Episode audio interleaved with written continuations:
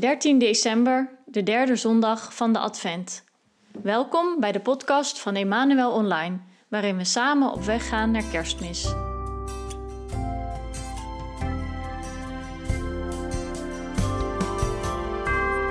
Vandaag is het de derde zondag van de Advent, ook wel zondag Gaudete genoemd. We zijn op de helft van de Advent en het licht van Kerstmis, het licht van de geboorte van Jezus, begint al dichterbij te komen. Dat zien we ook in de profetie van Jesaja, die we vandaag ontmoeten in onze reis op weg naar Kerstmis. Bemoedigt, bemoedigt, mijn volk spreekt uw Heer. Uw schuld en uw dienst zijn voorbij. Men roept baant een weg door de dorre woestijn. Een weg voor de Heer,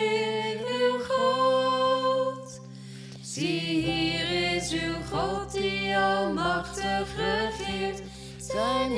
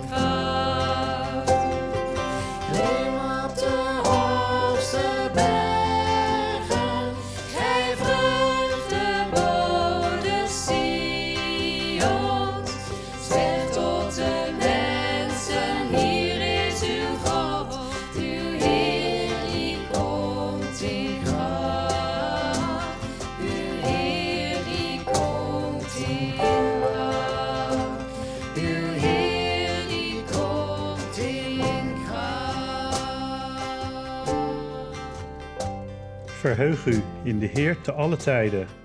Nog eens, verheug u. Uw vriendelijkheid moet bij alle mensen bekend zijn.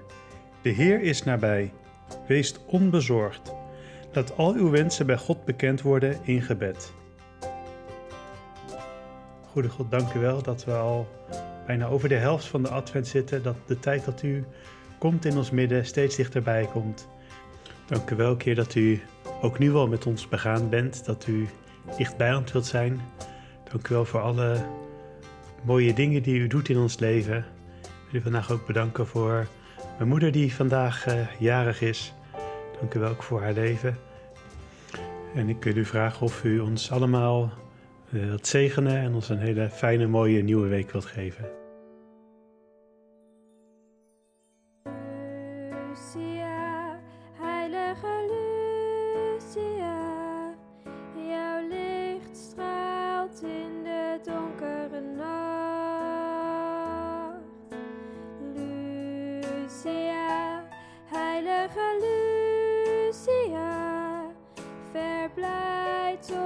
Ons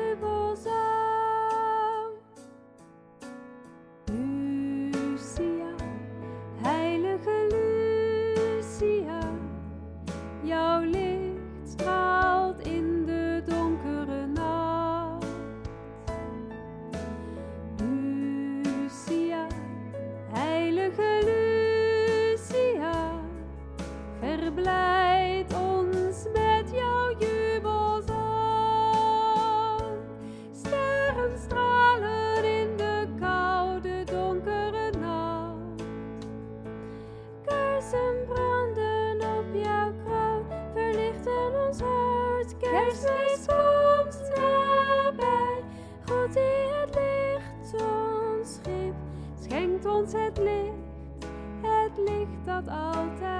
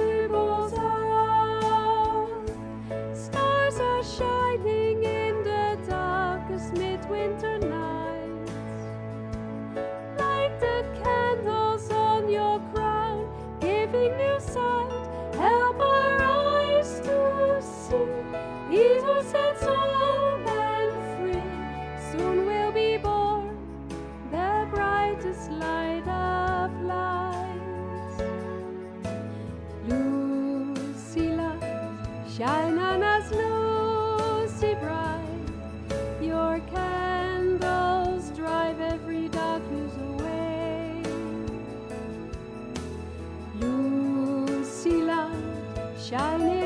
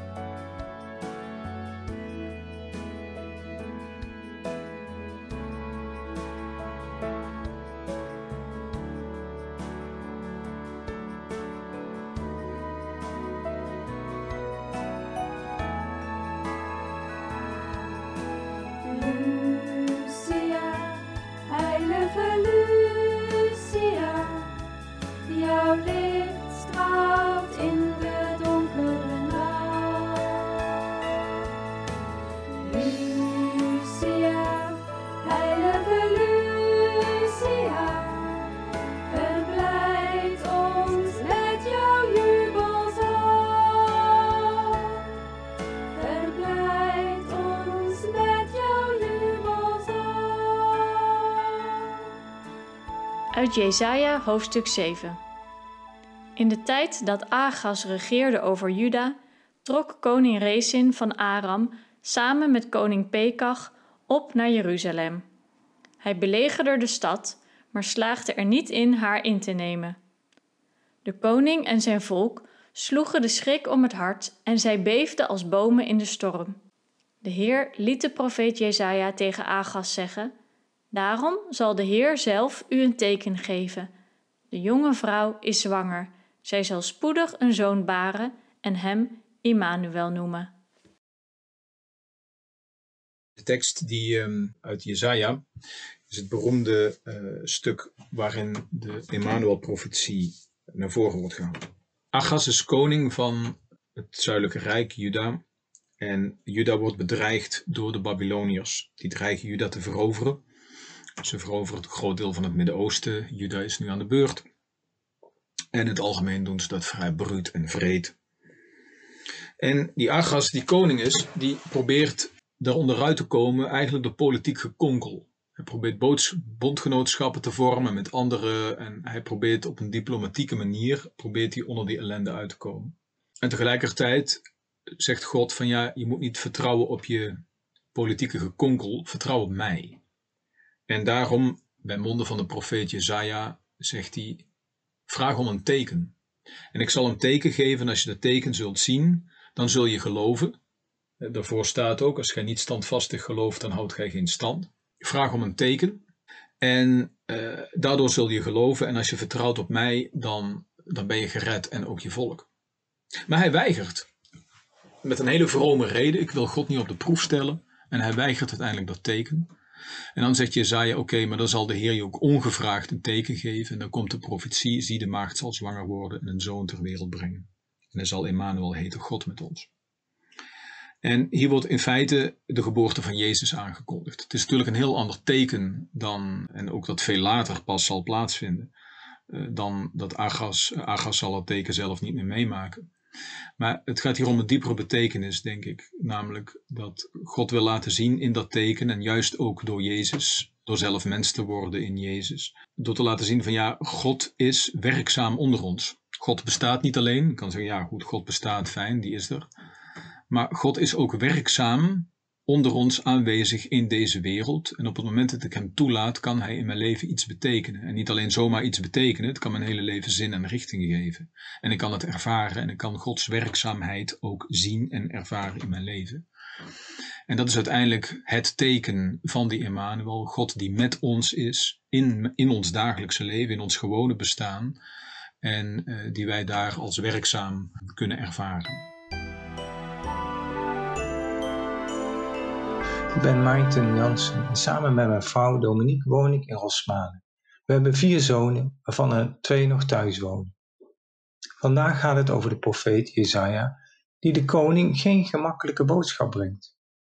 Ik leer van Jesaja dat hij tegen de stroom ingaat. En daar is moed voor nodig. Tegen de stroom ingaan kan op veel manieren. Jesaja doet het door een lastige boodschap te brengen aan de koning. Want de koning en het volk zijn bang. Ze beefden van schrik zoals de bomen in het woud beven, zegt het verhaal. Hun vijanden zijn groot en talrijk.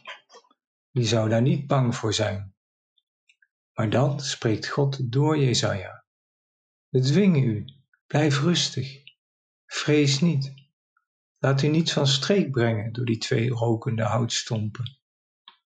En het mooie hieraan vind ik dat het spreken van God de angst verjaagt. God spreekt een machtig woord en hij legt de angst, het zwijgen op. Iets dergelijks heb ik het afgelopen jaar zelf ervaren.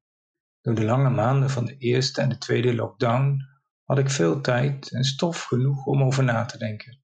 Misschien herkent u dat wel. Ik ging veel meer tv kijken. Avond op avond keek ik naar op één, waar al die deskundigen een mening gaven. En je bent bang om ook zelf ziek te worden of de mensen om je heen die je lief zijn. En je hoort van anderen dat ze ziek worden. En je denkt, waar gaat dat heen? Hoe lang gaat dit duren? Maar vaker is er dan dat stemmetje van vrees en verwarring in mij. Er gebeurde te veel. Ik kreeg het ook niet meer op een rijtje. En daar word je maar onrustig en bang van, net als de koning en het volk. Maar wat zegt God tot mij? God zegt juist: vrees niet, blijf rustig. Laat u niet van streek brengen. En als ik dan probeer om naar zijn stem te luisteren, tegen mijn eigen angst en beven in, dan merkte ik, God geeft mij wel die vrede en rust die ik nodig heb. Ik moest als het ware tegen de stroom van mijn eigen bange en onrustige gedachten ingaan, om alleen maar te luisteren naar de stem van God. Zo leerde ik beetje bij beetje te onderscheiden welke stem komt van God en welke niet. Stemmetje wat me bang maakt en vrees aanjaagt, is zeker niet van God. Maar als ik naar Hem toe ga, dan vind ik diepe vrede en rust die ik zoek. Dan ervaar ik dat God niet ver weg is, ergens hoog in de hemel. Nee, dan is Hij echt dicht bij mij en geeft Hij mij een teken van Zijn liefdevolle nabijheid in de komst van Zijn Zoon Jezus. Zie, de jonge vrouw is zwanger en zal een zoon ter wereld brengen. En gij zult hem de naam Immanuel geven. Dan is God Immanuel dicht bij ons, dicht bij mij en dicht bij jou.